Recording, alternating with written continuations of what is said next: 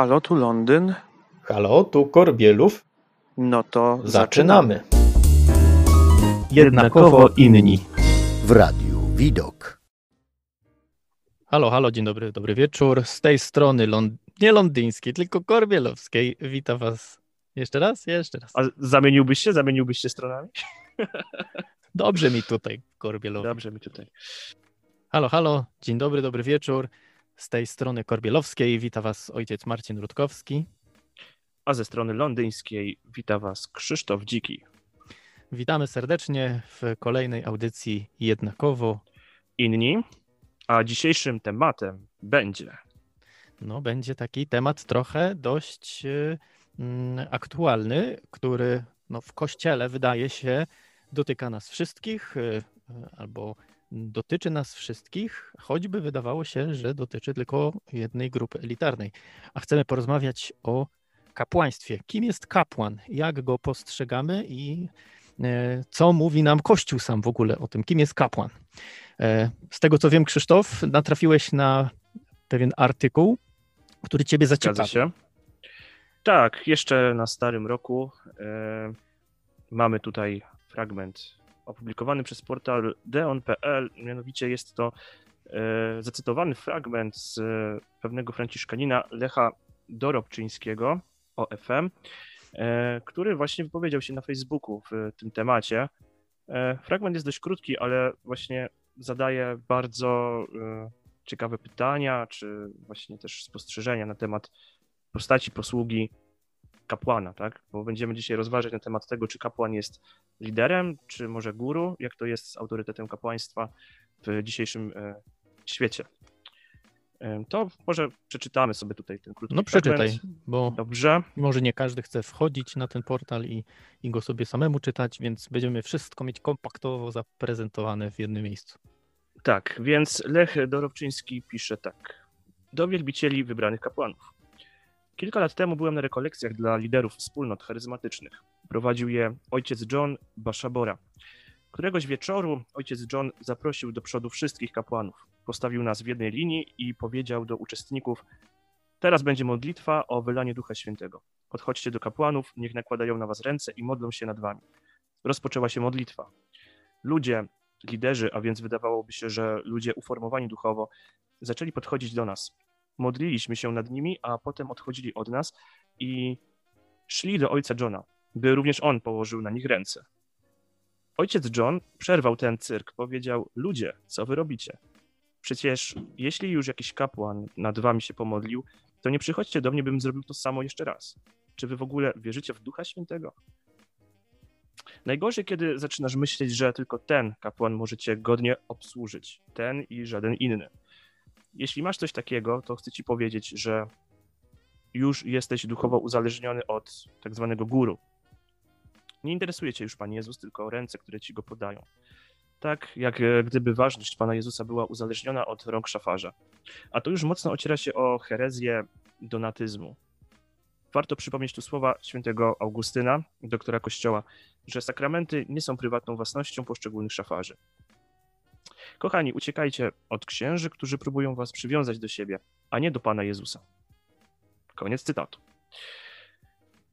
No właśnie. Mhm. E, jak to jest w końcu? Kapłan, lider czy guru? Jak myślisz, Marcinie?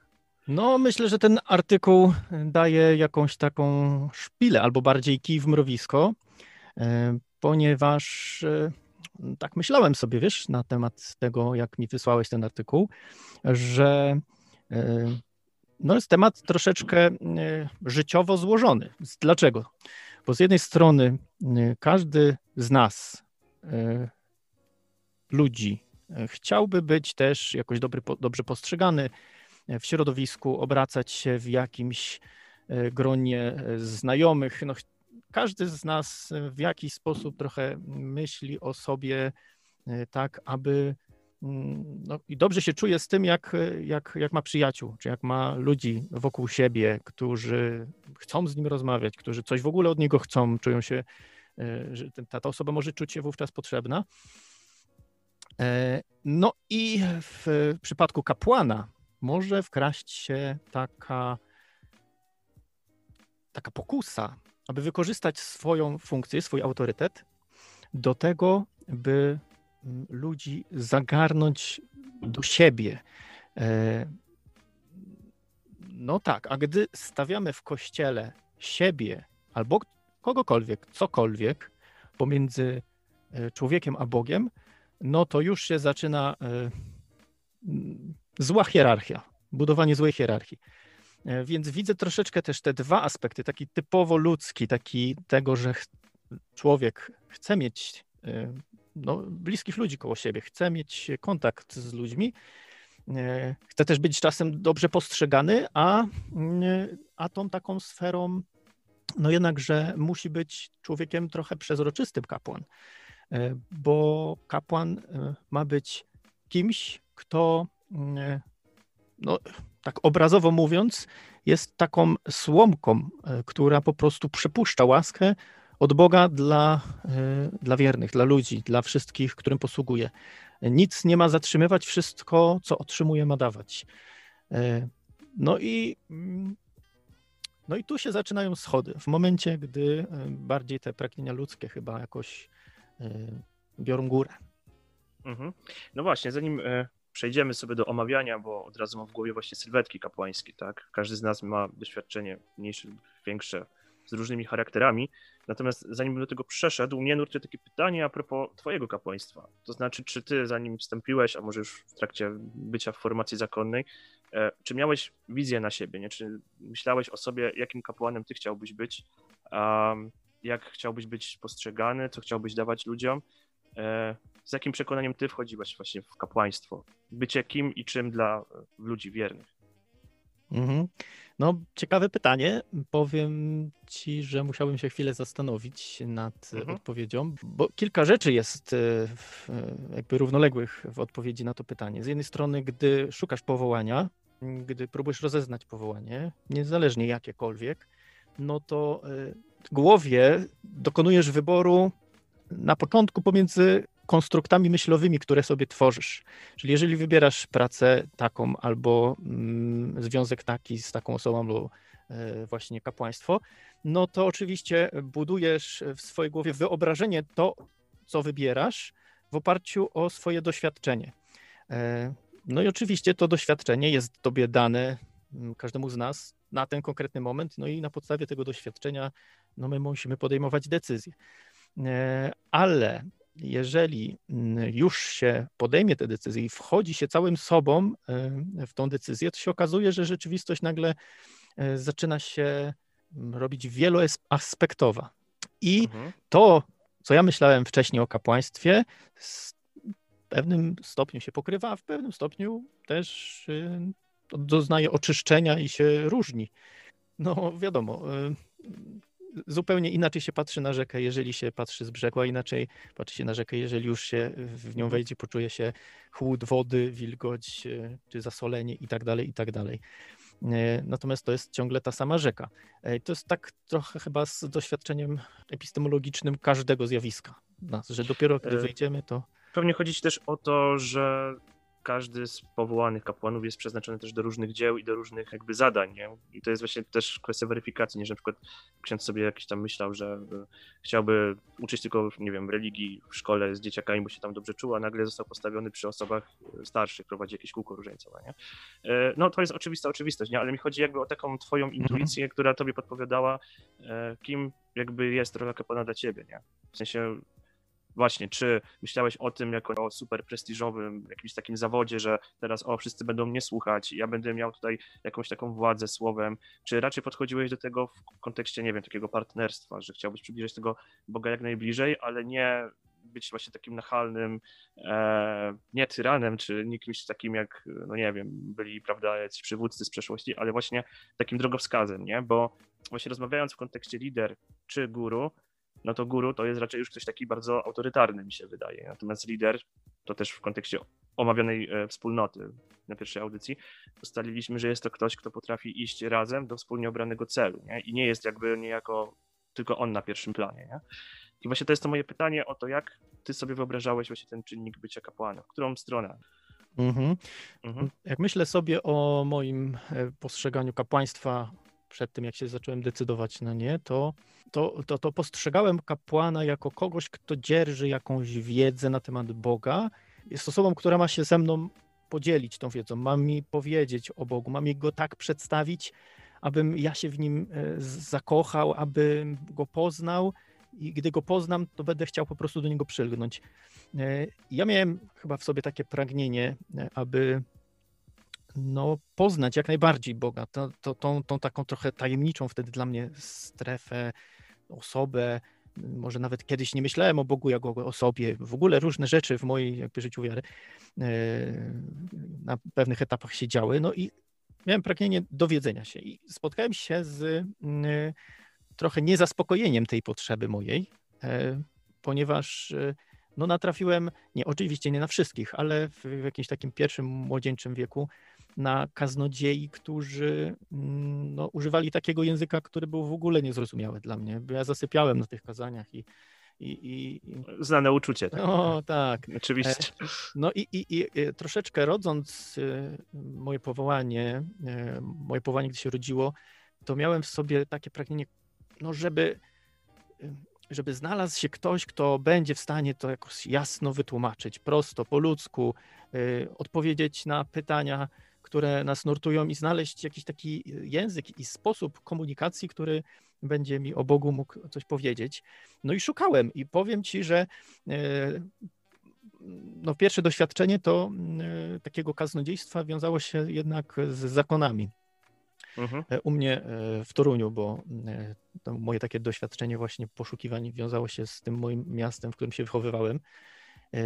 Byli Paulini, no i mm, Czyli nie redemptoryści, nie? nie, nie, nie, nie, nie, nie miałem jakiegoś takiego mocnego kontaktu, ale mm, bardziej z Paulinami.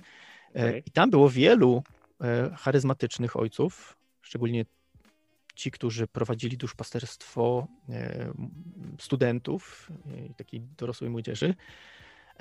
No i powiem ci, że tak. No i mieli jakiś taki power w głosie, w tym głoszeniu, moc, poruszenie było, gdy, gdy ich słuchałem. No i mm, chętnie chodziłem e, do tej parafii. To nie była moja parafia, ale była parafia e, w miarę sąsiednia. No i tam z, z, za- zaczynałem doświadczać realizacji tej e, potrzeby, którą miałem. Coś się zaczynało dziać w mojej wierze, coś nowego, ktoś coś w jakiś inny sposób mówił, e, że ja nie wiedziałem, kiedy czas upływa na tej Eucharystii. E, Nawet nie było tak, że zasypiałem, ale że chciałem jeszcze słuchać tego człowieka. No i to była osoba, która e, no można powiedzieć, że złapałem się na tym, że mm, przychodzę na Eucharystię e, po to, by słuchać tego człowieka. Gdy nagle coś się wydarzyło i go nie ma, e, wychodzi inny kapłan, a spodziewałem się, że będzie tamten, no to takie trochę poczucie zawiedzenia. Czemu nie on, no on tak fajnie mówi i, i w ogóle taki fajny, śmieszny i, i super się ten miło czas spędza. E, I e, dla, widzisz, dlaczego, dlaczego mówiłem o tym, że rozumiem dwie strony, bo trochę też mam doświadczenie e, bycia z tej drugiej strony i bycia człowiekiem, który w jakiś sposób mm, no, mm, chciał być prowadzony przez jakiegoś kapłana, który, który był dla niego wówczas autorytetem. I no, no tak, no następowało jakieś przywiązanie do tego kapłana, Mhm. prawda? No tak, to jest dokładnie to i też często właśnie przy spowiedzi, przy sakramencie spowiedzi e, penitent może dowiedzieć się na przykład to znajdź sobie, nie wiem, stałego spowiednika, nie? Czyli to też poniekąd może powiązać człowieka z konkretnym kapłanem, który ma wpływ na formację i faktycznie ciężko jest na przykład potem posłuchać kogoś innego, tak? I jest to taki problem.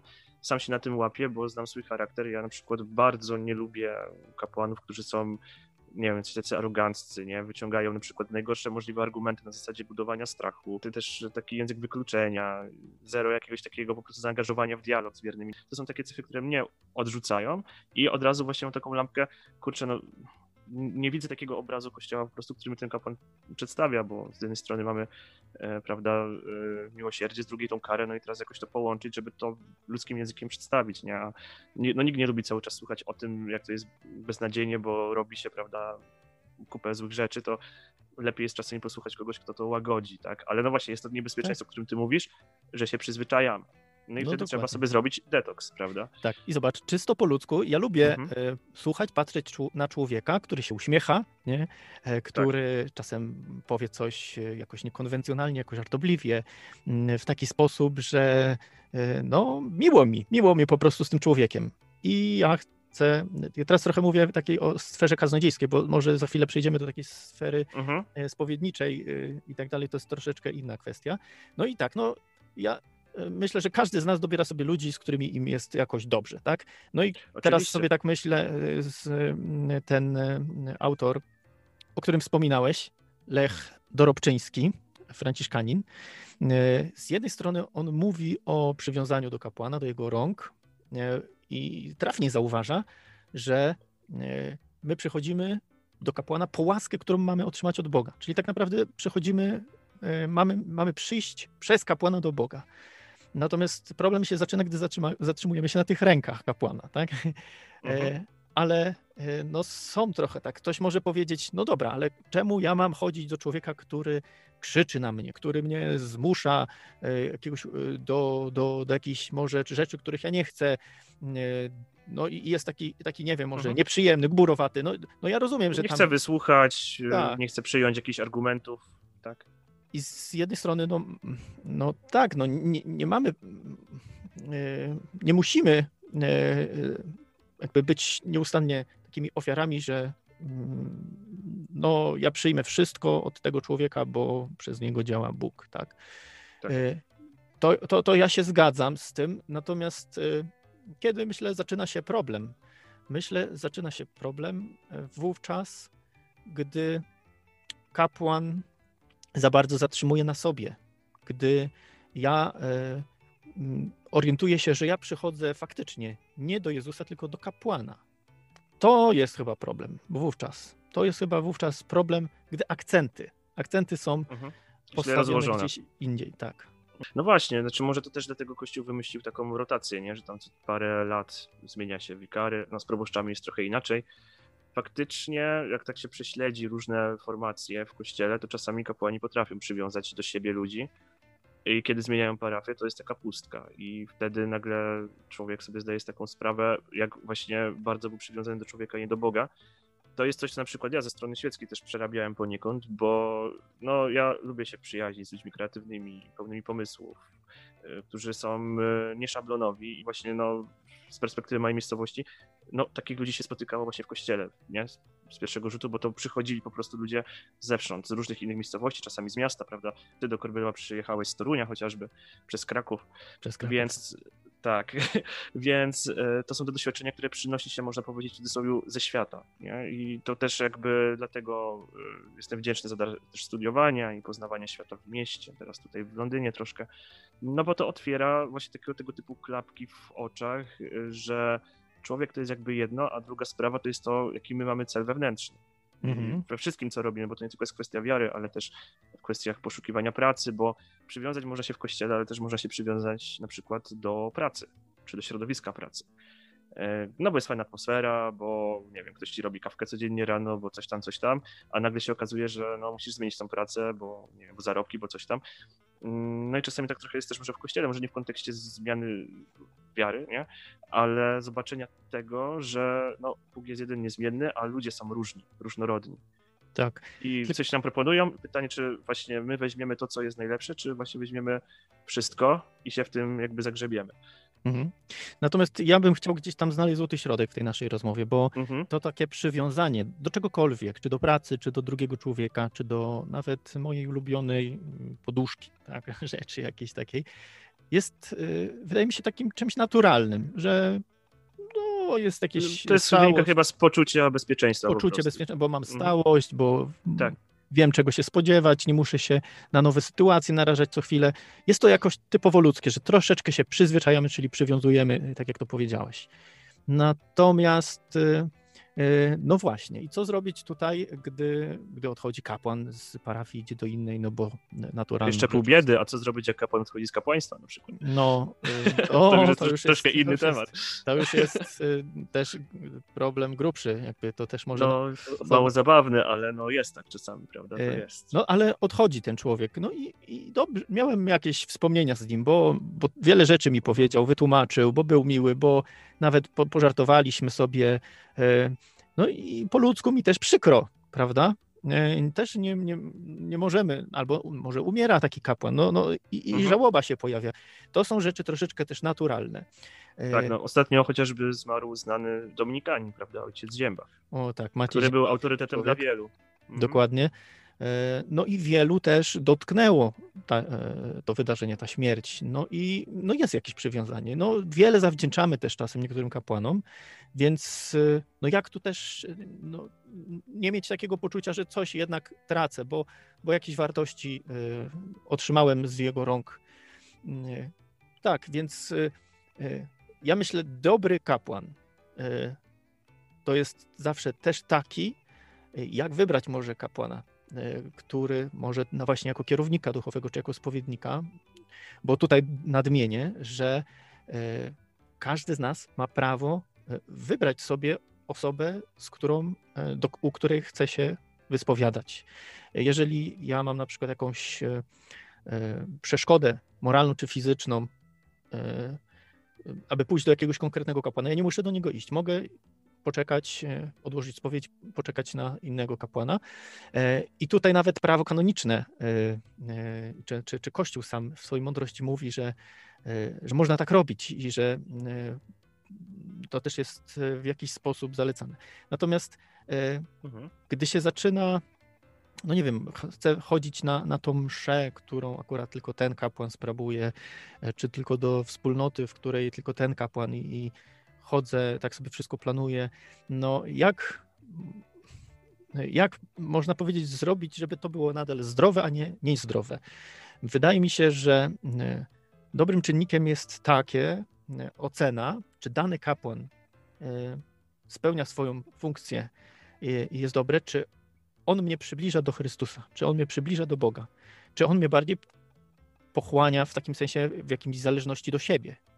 Nie? Ja myślę, że to jest taki papierek lakmusowy, który możemy zweryfikować, e, czy nagle, jeżeli e, pojawia się ryzyko, że go nie ma, albo że mm, mogą mi go zabrać, czy mi się świat wali. Bo jeżeli mi się zaczyna walić świat, to znaczy, że nastąpiło jakieś niezdrowe przywiązanie. Że to nie chodziło o Jezusa, nie chodziło o relację z Bogiem, tylko o relację z kapłanem. Nie? Mhm. No i tutaj trzeba w takim razie mm, e, no, być czujnym, być czujnym, bo To jest, tak, to jest bardzo dobra i taka trzeźwa uwaga właśnie, bo nie wiem, czy na przykład ty miałeś takie doświadczenie, ale tak w formacjach wspólnotowych bardzo rzadko czasami mówi się o roli kapłana, w sensie sam kapłan, nie wiem, wchodzę do wspólnoty, rzadko kiedy to podkreśla, nie? To po prostu gdzieś tam naturalnie to przywiązanie wychodzi i potem czasami ciężko jest właśnie, no wiadomo, coś się zobaczyło, ciężko to odzobaczyć, tak? Czyli raz się ktoś przywiąże, ciężko się odzwyczaić, ale właśnie czy na przykład istnieje narracja w kościele na zasadzie takiej, że przychodzi kapłan i potrafi jasno postawić granice, tak? Ja tu jestem po to, po to, yy, możemy się właśnie tutaj przyjaźnić, znać, ale miejcie na uwadze to, że ja jestem tylko właśnie narzędziem, to tak brzydko mówiąc, bo jest też człowiekiem i ma całkiem Mhm. normalne ludzkie odruchy, tak, ale no też wielu księży sobie z tego tytułu też nie radzi, bo nie wiem, no, fajnie było na tej parafii, teraz jest może w gorszej parafii, chciałby się wrócić, nie może, chciałby coś zmienić, nie może, no i jest mu z tym źle, no to na przykład, nie wiem, nie pracuje, albo mu się coś tam nie chce robić, albo coś sabotuje, e, z takiego po prostu czysto ludzkiego, nie? E, to tak samo to dotyczy wiernych, bo wierni tak samo, nie? Jakoś tak przywiązali się, no i nagle przestają chodzić na spotkania, bo już im się nie podoba kapłan, tak? E, to działa w dwie strony. I, i, i właśnie, no, o to wyznaczanie granic, nie? Wchodzi, Mhm. wchodzi, wchodzi lider, wchodzi jakiś prze, przewodnik, czy jest takie właśnie stawianie twardych zasad. Mamy tu regulamin, spróbujmy się do niego jakoś dostosować. tak myślę o tym, bo jestem y, w takiej sytuacji, że w Korbielowie jestem od y, no, pół roku e, i też przyszedłem i zacząłem tworzyć duszpasterstwo młodzieży. E, I zobacz też, y, niedawno mieliśmy Ewangelię o tym, jak pasterze przyszli do Betlejem, do e, zostało im objawione przez aniołów, e, że narodził wam się Zbawiciel, idźcie, poszukajcie, e, będzie leżał w, w żłobie i tak dalej, i tak dalej. No i oni przyszli i co? Co tam jest napisane? Zobaczyli Maryję, Józefa i dopiero dziecię Jezus. Nie? Że jest pewien taki proces dochodzenia do Boga, taki naturalny, że Maryja, e, no ona jest zawsze w Piśmie Świętym w jakiś sposób uobecnieniem, utożsamieniem e, Kościoła. Nie? Ona jest też matką Kościoła, opiekunką i w pierwszej kolejności do Boga przychodzimy w Kościele, nie w budynku, ale jako wspólnocie, jako e, ciele Chrystusa, jako tej mistycznej e, rzeczywistości. Później Józef. Józef jest e, no, tym człowiekiem, który po prostu jest obok nas. Czyli w drugiej kościele, w drugim rzędzie. W kościele przychodzimy do Boga przez konkretnych ludzi. Nie? Y, Rzadko się zdarza tak, że nie wiem, bezpośrednio mamy relację z Bogiem, nikt nam nic nie jest potrzebny. Nie, jest jakiś tam proces właśnie. Pan Bóg też zaprojektował to, też tak chciał, żeby y, misja y, głoszenia słowa, sakramenty były udzielane przez innych ludzi, byśmy się nawzajem potrzebowali. No i zobacz, co się dzieje w tej sytuacji.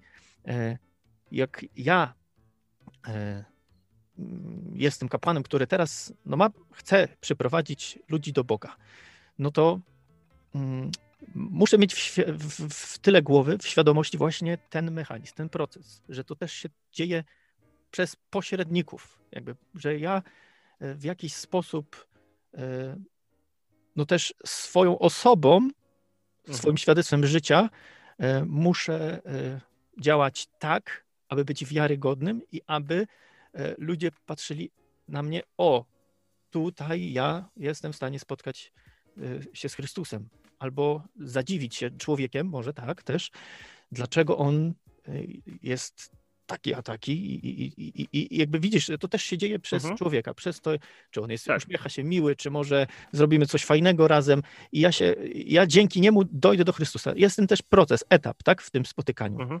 No właśnie ja tutaj zauważam taką zależność, że y, no, kapłani dysponują bardzo dużym polem y, i narzędziem, już nie mówiąc o autorytecie i, i całą tą otoczką, która stoi prawda, za y, taką pewnością siebie kapłana, że to właśnie jakby od kapłana zależy, na ile on otworzy się na drugiego człowieka, tak? na ile on dopuści do siebie kogoś, z którym będzie szedł, nie wiem, w ramię w ramię, czy będą się gdzieś tam razem e, formować i pokazywać tego Boga szerzej, bo to jest jakby właśnie w tym momencie współpraca między duchowieństwem a światem świeckim. E, To o tym też będziemy rozmawiać w kolejnej audycji, to już możemy zdradzić, że teraz przepytujemy Ciebie z tego ramienia kapłaństwa, ale będziemy rozmawiać też o roli świeckich, bo jest to dość bardzo ciekawe, ponieważ ja też widzę na zasadzie takiej, że no, czas, gdzie mieliśmy hierarchiczność, tak, że był król, biskupi, kapłani, coś tam, dopiero gdzieś tam na dole ludzie, no minął. I teraz trzeba się jakby dostosowywać do ducha czasu na zasadzie e, nie bądźmy, nie wiem, wyżsi od was, zejdźmy może do jakiegoś partnerstwa, może do jakiegoś wspólnego e, mianownika, dzięki czemu będziemy się szanować, a nie będziemy patrzeć na siebie przez pryzmat z góry, bo ja jestem kapłanem, magistrem, teologiem, super, a ja jestem świeckim, nie wiem, psychologiem, e, doktorem, nie wiem, prawa, coś tam, coś tam i będziemy się teraz naparzać argumentami, że ja mam rację, ty nie masz racji i w tym momencie dochodzi do właśnie takich aktów, jak chociażby popularna apostazja w, ostatnich, e, w ostatnim czasie, bo no bo to jest, nie możemy tego zamiatać pod dywan. Kościół katolicki traci troszkę na wiarygodności, prawda? Mhm. I o tym jest ta Wiesz- rozmowa też. Tak, wiesz, bo e, no i, i tutaj dobrze poruszyłeś tę tę kwestię, bo e, jest coś w kościele, co potrzebuje oczyszczenia e, na takim wyższym poziomie, a mianowicie właśnie ta mentalność samych kapłanów o kościele. E, Tekst, który e, czasem słyszałem z ust kapłanów, e, sam troszeczkę pogłębiał to, że Niektórzy, niektórzy spotykałem się z takim, z takim tekstem, że świeccy od zawsze szkocili kościołowi. E, oczywiście, e, oczywiście to e, czasem było podawane żartobliwie przez niektórych kapłanów, e, e, których znałem, e, ale, ale to też pokazuje pewien taki elitaryzm w kościele, że czasem kapłani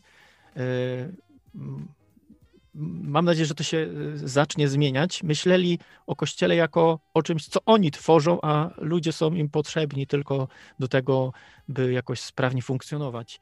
Ja myślę, że Żeby nie myśleli w ten sposób, tak? żeby nie myśleli, tak, Mhm. myślę, że to się zmieni. I dobrze, że, mm, że, że, że już wśród y, osób wierzących zaczyna się nabierać jakoś większa świadomość tego, że Kościół to jesteśmy my wszyscy. Nie tylko y, duchowieństwo, nie tylko osoby konsekrowane, które chcą poświęcić swoje całe życie, ale to również i y, każdy z nas, który jest ochrzczony, który siedzi w tylnej ławce, w, na chórze, w bok, zbocznej ławce, czy może jest ministrantem, czy, czy jest tym kapłanem. My wszyscy jesteśmy Kościołem. My tworzymy Kościół.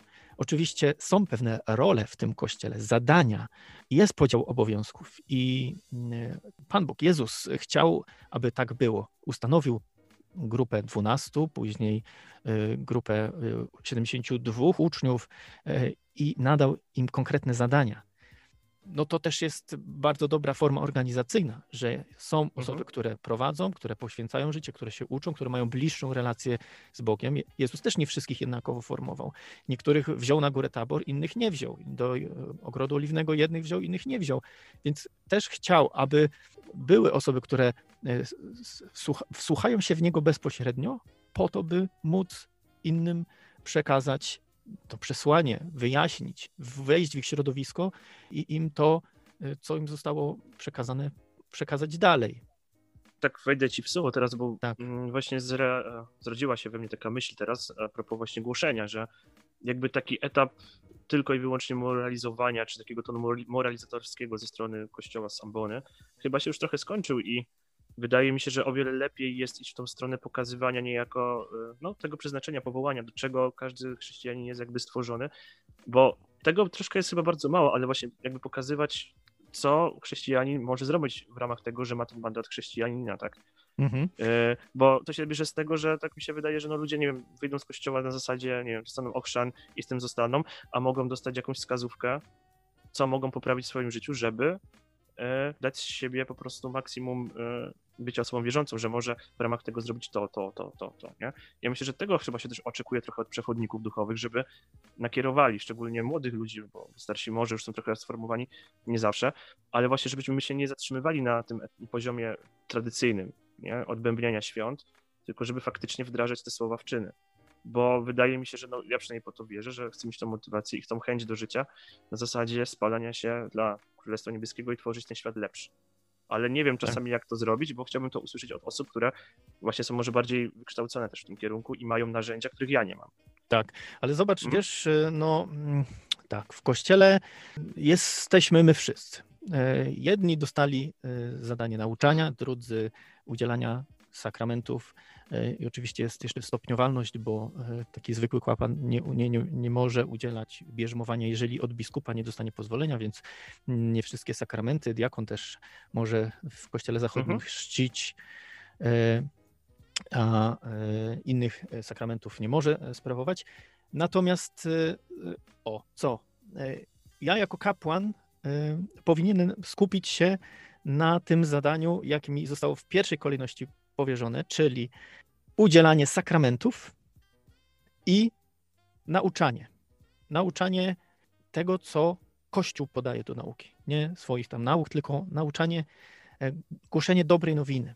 Ale ja, mhm. zobacz, no, teraz y, akurat mamy taką możliwość, y, że mogę się zaangażować w takie radio, tak? Y, natomiast to też nie powinno stawać się moim jako kapłanem jakimś priorytetem, że ja teraz będę całymi dniami E, e, robił takie rzeczy, które tak naprawdę mogliby robić świeccy.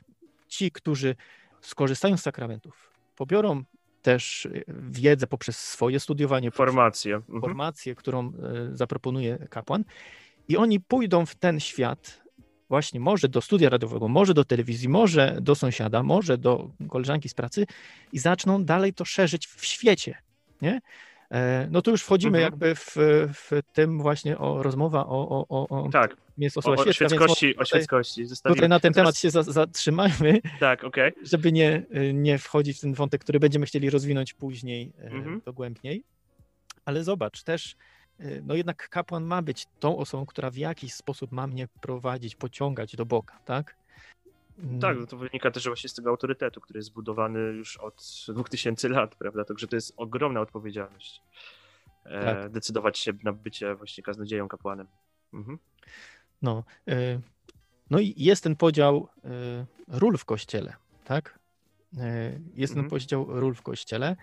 Tak. No i dlaczego co? Lider, guru. Tak sobie zadaję. Mam pytanie, mam No. pytanie. Mam pytanie właśnie w kontekście tej audycji, ponieważ, e, no właśnie, lider czy guru, ale ja bym zapytał w ten sposób. Czy żyjemy w erze księży katocelebrytów? czy żyjemy. Aha. No, media społecznościowe i internet y, trochę pokazały, że, mm, że jest kilku takich, których się chętnie ogląda. E, Nie wiem, nie wiem, czy żyjemy w takiej erze. Na Mhm. pewno teraz to zjawisko nabiera e, jakichś kształtów. y, Wcześniej no nie było takich technicznych możliwości i może one były na mniejszą skalę, na skalę parafialną, że troszeczkę było tak, że niektórzy kapłani przez swoją charyzmat głoszenia osobisty, taki charyzmat y, przyciągali więcej ludzi. I no i może tłumy się gromadziły przed amboną, teraz może się przed ekranami, tak, i wyświetlenia się nabijają.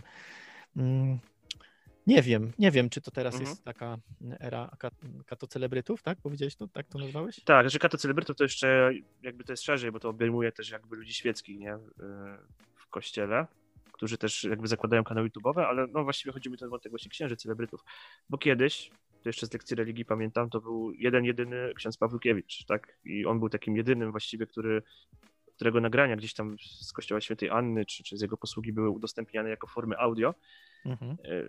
No, myślę, że to jest dość świeże zjawisko, bo jak tak sobie prześledzę, to potem mm, w szkole średniej to był ojciec Adam Szóstak i to jeszcze Mhm. sprzed bycia, powiedzmy, tym katocelebrytą. To jest takie młodzieżowe słowo, dlatego go używam. E, tak, z tych pierwszych takich nagrań, które właśnie to, co powiedziałeś, bardzo dobrze tłumaczył Pismo Święte na zasadzie takiego właśnie nie teologizowania, tylko praktyczności. Nazywał po imieniu, nie? To była prostytutka, tutaj kapłani coś tam robili, prawda, i od razu wiadomo było o co chodzi i, i nagle się oczy Mhm. otwierały. Że Pismo Święte to wcale nie jest taka pobożna książka momentami. E, W sensie pobożna, w sensie, nie są to tylko pobożne rzeczy. W Starym, w Starym Testamencie chociażby są bardzo fajne, y, nieraz y, thrillerowskie historie. Także warto sobie poczytać pewne historie, albo przynajmniej zobaczyć na pewne konferencje tam ojca Szóstaka, bo on tam jedzie po kolei czasami tymi księgami, tam Księga Rut, o Hiobie, prawda, i jeszcze o paru innych e, fajnych sylwetkach. Wciągające. Myślę, że dobry Tak. serial na Netflixie mógłby po, powstać. To na pewno.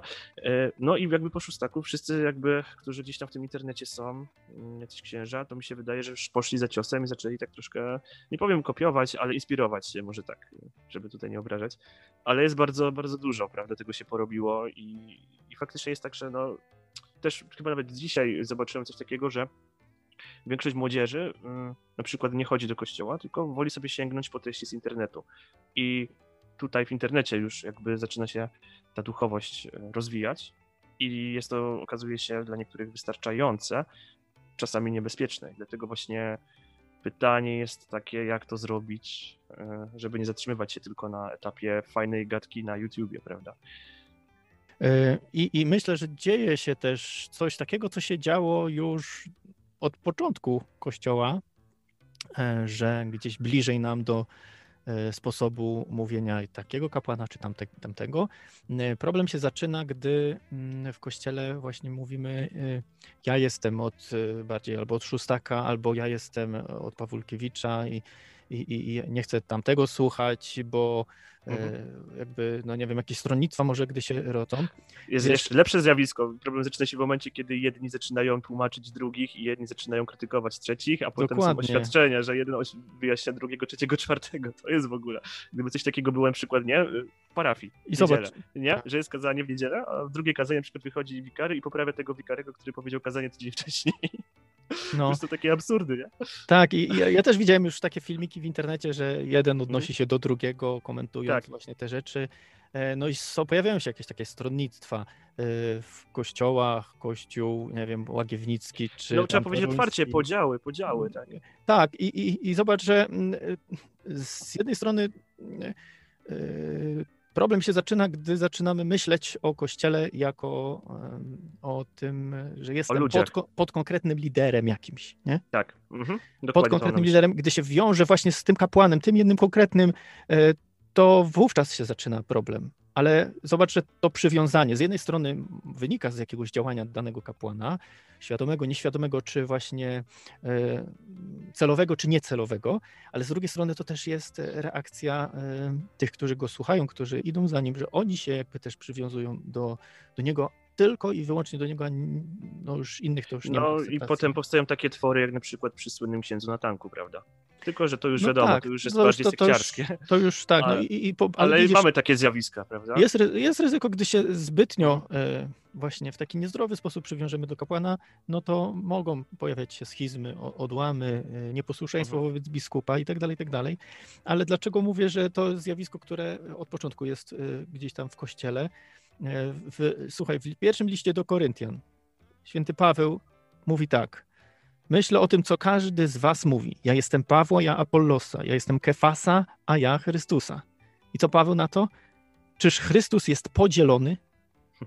Czy Paweł został za was ukrzyżowany? Czy w imię Pawła zostaliście ochrzczeni? I tak, i, i w ogóle w tym liście e, no, zwraca uwagę e, na sedno, że Dokładnie. Kościół jest Chrystusa.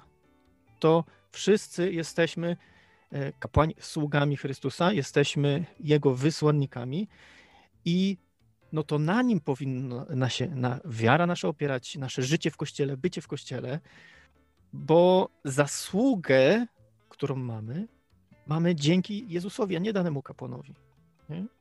No dokładnie, to ja, ja jestem tego samego właśnie zdania. Mm, I to jest, no właśnie, Paweł tutaj bardzo pokrzepiająco mówi i, i super te słowa mogą nas nieść w tym nowym roku. E, no właśnie, to z tymi zasługami kapłańskimi. Mi się teraz przypomniała właśnie anegdotka, no, to będzie trochę z szóstaka, ale bardzo mi się to spodobało, kiedy na przykład mówił w kontekście Wielkiego Czwartku, nie? że jest ten moment, kiedy jest ten y, wianuszek ludzi, którzy zawsze podchodzą do kapłanów i dziękują im za ich kapłaństwo, nie? I on właśnie szóstak zwraca na to uwagę, że moment na dziękowanie kapłanom za posługę to jest w momencie, kiedy mają imieniny lub urodziny. A Wielki Czwartek to jest właśnie hołd oddania Jezusowi Chrystusowi za to, że On był tym najwyższym kapłanem i to Jego mamy czcić w tym dniu bardziej, nie? Niż e, właśnie pojedyn- pojedynczych księży, bo z tego się robi taki, no, folwark, nie? Tak, można tak powiedzieć, nie?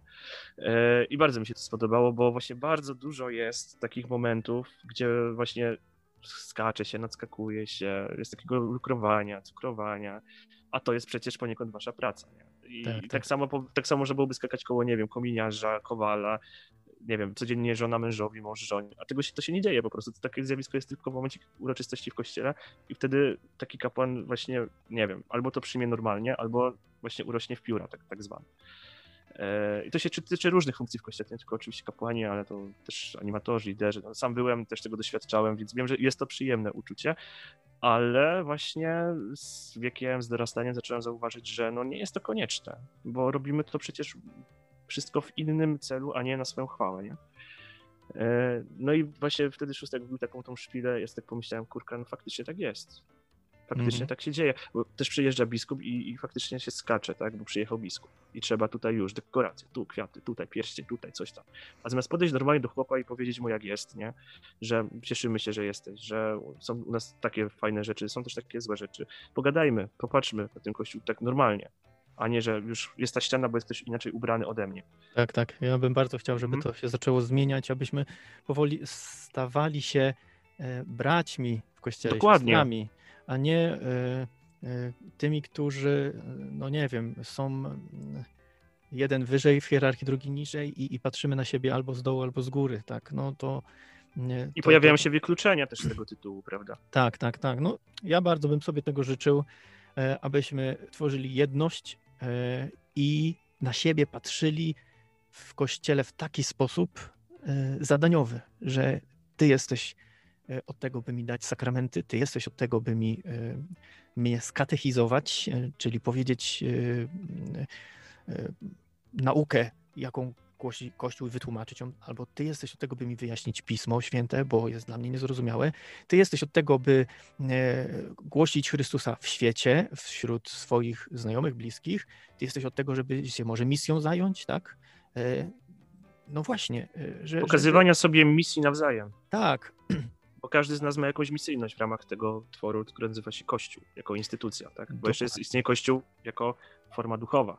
Bo powiedzieć o zadaniowości, zadań, powiedziałeś o zadaniowości, ale właśnie jest ta sfera pokazania tej duchowości i to jakoś ze sobą właśnie musi współgrać, bo jakby duchowość postrzegam na zasadzie takiej właśnie, że kierując się, czy to w adoracji, czy bezpośrednio łącząc się na modlitwie z Bogiem, że to jest jakby ta siła, która jest taka trochę no, metafizyczna i to też poniekąd ma nas no, nieść w tych zadaniowościach, że decydujemy się na przykład na jakieś wyzwania, tak? Dla Mhm. kogoś to będzie, nie wiem, ewangelizowanie przyjaciela albo po prostu bycie porządnym chrześcijaninem, dla kogoś będzie to, nie wiem, wyjazd na drugi koniec świata i tam e, dzielić się swoimi talentami. Dlatego widzę tutaj dwie drogi też.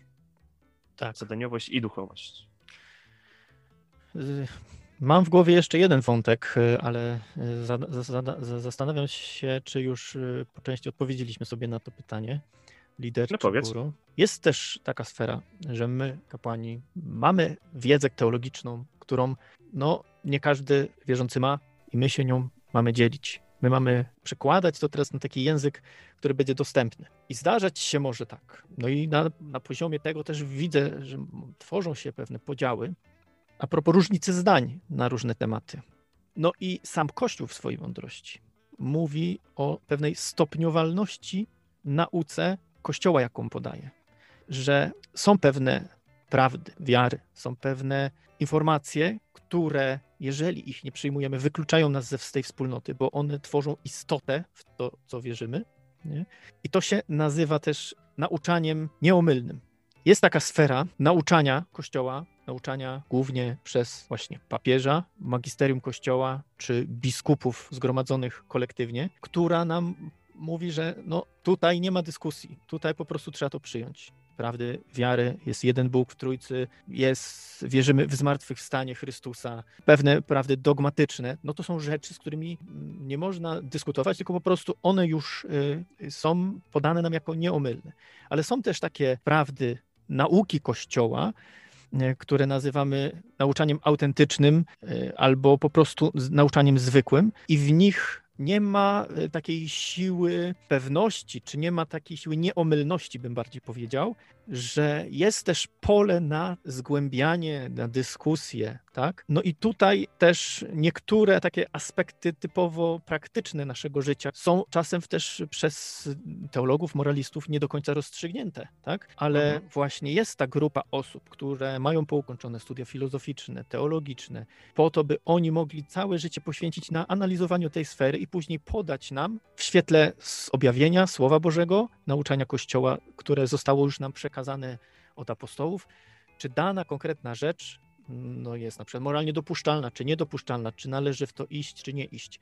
Natomiast też y, to, to wszystko nie ma też takiej siły nieomylności, e, ale ma pewność w taki sposób, że my wiemy, że my tacy zwykli ludzie nie jesteśmy czasem w stanie pojąć pewnych spraw, zobaczyć wszystkich aspektów. Dlatego takim naukom należy się jakieś posłuszeństwo wiary autorytetowi, ale jeżeli ja mam wątpliwość, to od razu mnie to nie wyklucza z kościoła. Nie? No tak, zgadza się. Czy wiadomo, nie każdy, kto pisze się na bycie chrześcijaninem, e, no, musi według jakichś zasad postępować i co do tego nie ma wątpliwości. E, Natomiast wątpliwości pojawiają się właśnie w momencie, kiedy odrzuca się na przykład, nie wiem, człowieka jako człowieka. Tak? Tak. To ze względu na to, że no, ma poukładaną swoją sferę w nieco inny sposób, bo no, charakteryzowało go po prostu jakiś inny styl życia, bo przecież nie każdy musi się interesować teologią. Tak? Y, No tak, jeszcze trochę wracając do tego wątku właśnie o, o tych pewności nauki i tak dalej. No, czasem mm, jest też tak, że no za dogmat przyjmiemy opinię jakiegoś księdza, kapłana, którą wypowiedział na kazaniu i jako prawdę wiary. I stąd też mogą się tworzyć jakieś podziały, czy jakieś niezrozumienia w kościele, czy, czy, czy y, nawet kłótnie pomiędzy nami. Więc też warto mieć na uwadze to, że y, nie wszystko i nie we wszystkim, co mi mówi kapłan, e, musi mieć rację. Nie? Kościół e, jakby sam mówi, że nauczanie nieomylne dotyczy wyłącznie spraw wiary i moralności. Nie? Więc nawet jeżeli Kościół, czy nawet papież jako, e, jako Franciszek by się zaczął wypowiadać w sferach, które nie dotyczą wiary i moralności, e, no to my nie musimy go słuchać jako autorytetu. Tak? Natomiast w Mhm. momencie, gdy mówi jako głowa kościoła, mówi jako następca Piotra w sposób uroczysty i jest to podkreślone i wypowiada się e, w kwestiach wiary i moralności, e, to są pewne przesłanki do tego, by mówić, on mówi w sposób teraz nieomylny, bo robi to, do czego e, został powołany. No natomiast gdy ktoś przekracza swoje kompetencje, no to, mm, no to wtedy trzeba po prostu się zastanowić, czy to jest akurat autorytet z tej dziedziny, czy nie. E, I, i, i No tak, dobrze- tutaj mamy nieustanny konflikt wiary z nauką, tak. czy To wiarę, też jest taka prawda. nie, nie wiem, czy konflikt, ale y, jakoś y, próba zrozumienia siebie i znalezienia jakiegoś wspólnego języka, by wytłumaczyć to, o- no, jakby o, o czym innym trochę mówi nauka, trochę o czym innym mówi też, Mhm. też wiara. Y, I nauka nie da odpowiedzi na wszystkie pytania, i wiara y, nie da odpowiedzi na jakieś zjawiska biologiczne do końca, bo nie od tego Mhm. jest. Nie? Czy, No tak, i to jest, to, to jest to też różnica pomiędzy teorią a praktyką, prawda? O księżach też można powiedzieć, że są bardziej teoretykami niż praktykami w niektórych dziedzinach życia, prawda? I tutaj jest jakby kwestia wejścia we współpracę No dobrze by było, żeby które- byli praktykami życia duchowego, życia modlitwy i e, Yy. nie byli tylko teoretykami, to, to tak. To jeszcze mówię o tej sferze, nie? Ale chodzi mi o inny problem, nie? Problem tego właśnie chociażby, jak postrzega się problemy chociażby w rodzinach, no, prawda? Czy chociażby też popatrzeć na problemy ostatnio szumne kobiet, tak? No, ciężko facetowi wejść tak w 100% w to, co czuje kobieta na przykład. I, i, tutaj No i nawzajem kobiecie to, co konflikty. czuje mężczyzna. Tak, tak, tak. I właśnie dlatego jest potrzebny ten dialog wzajemny w duchu y, zrozumienia, w duchu takiej właśnie nie ataku, tylko w duchu właśnie wyjaśniania sobie pewnych spraw, bo przecież właśnie to, co powiedziałeś, że kapłan może być nieomylny i fajnie, że to podkreśliłeś, że, że warto to wyrażać i dopuszczać do siebie argumenty trochę z innej strony. Może to też jest jakby taki, taki początek tego, żeby też oddawać poniekąd głoszenia na przykład we wspólnotach, właśnie głosy z tej drugiej strony, tak, zaprosić jakąś kobietę, która jest wierząca, kompetentna, chce dobrze dla Kościoła i na przykład opowie o jakimś problemie ze swojej perspektywy. A kapłan zweryfikuje ją pod kątem teologicznym, czy jest to zgodne z tym dogmatami, z wiarą i tak dalej. E, No i wtedy można jakoś ze sobą współpracować. Wiem, że to się dzieje w niektórych sferach, ale jeszcze tego jest chyba za mało, mi się wydaje. No tak, więc myślę Mhm. tak, y, poszerzenie tych, tych kom- kompetencji, może nie kompetencji, ale poszerzenie, wpuszczenie w niektóre sfery życia Kościoła osób y, świeckich, wykwalifikowanych, y, mających też Mhm. spojrzenie, może w jakiś sposób pomóc no, nam wszystkim, całemu Kościołowi w tym, by, by, by- do, dojść do prawdy. Mm, A właśnie chyba o to nam, o to nam wszystkim chodzi. Dokładnie. Więc zmierzając do brzegu naszej dzisiejszej audycji, pytanie: kapłan, lider czy guru? kapłan, e, sługa, czyli jeden z ludu wzięty dla ludu ustanowiony, e, który ma być, jeżeli powiemy lider e, w takiej rozumieniu przewodnik, tym, który idzie, bo wytycza nam drogę dojścia do Chrystusa, to ja bym się zgodził na, na, e, na takie stwierdzenie. Tak, i z tym zostawiamy Was, drodzy słuchacze. Myślę, że bardzo ciekawy temat, bardzo, przynajmniej dla mnie, wartościowy jako osoby świeckiej i niesamowicie się cieszę, że możemy właśnie na tego typu tematy rozmawiać. E, Cóż, pozostawiamy taką zachętę do wspierania się tam, gdzie jesteście, w parafiach czy w jakichś działaniach, E, no, żebyście zawsze gdzieś tam współpracowali ze sobą i szukali tego wspólnego języka. E, żebyśmy się ubogacali, a nie ściągali się w bardzo skrajne jakieś grupy, które są negatywnie nastawione jedni na drugich, ale szukali tego wspólnego celu, ponieważ ta audycja nazywa się jednakowo. Inni. Dziękujemy Was za uwagę. Jeżeli pojawiły się jakieś pytania, komentarze, y, zachęcamy do umieszczenia ich pod postem na Facebooku. Y, No i za tydzień, nie za tydzień, y, w następnej audycji. Tak, y, pomówimy w następnej, bo prawdopodobnie audycje będą pojawiały się raz w miesiącu, ale to się jeszcze okaże.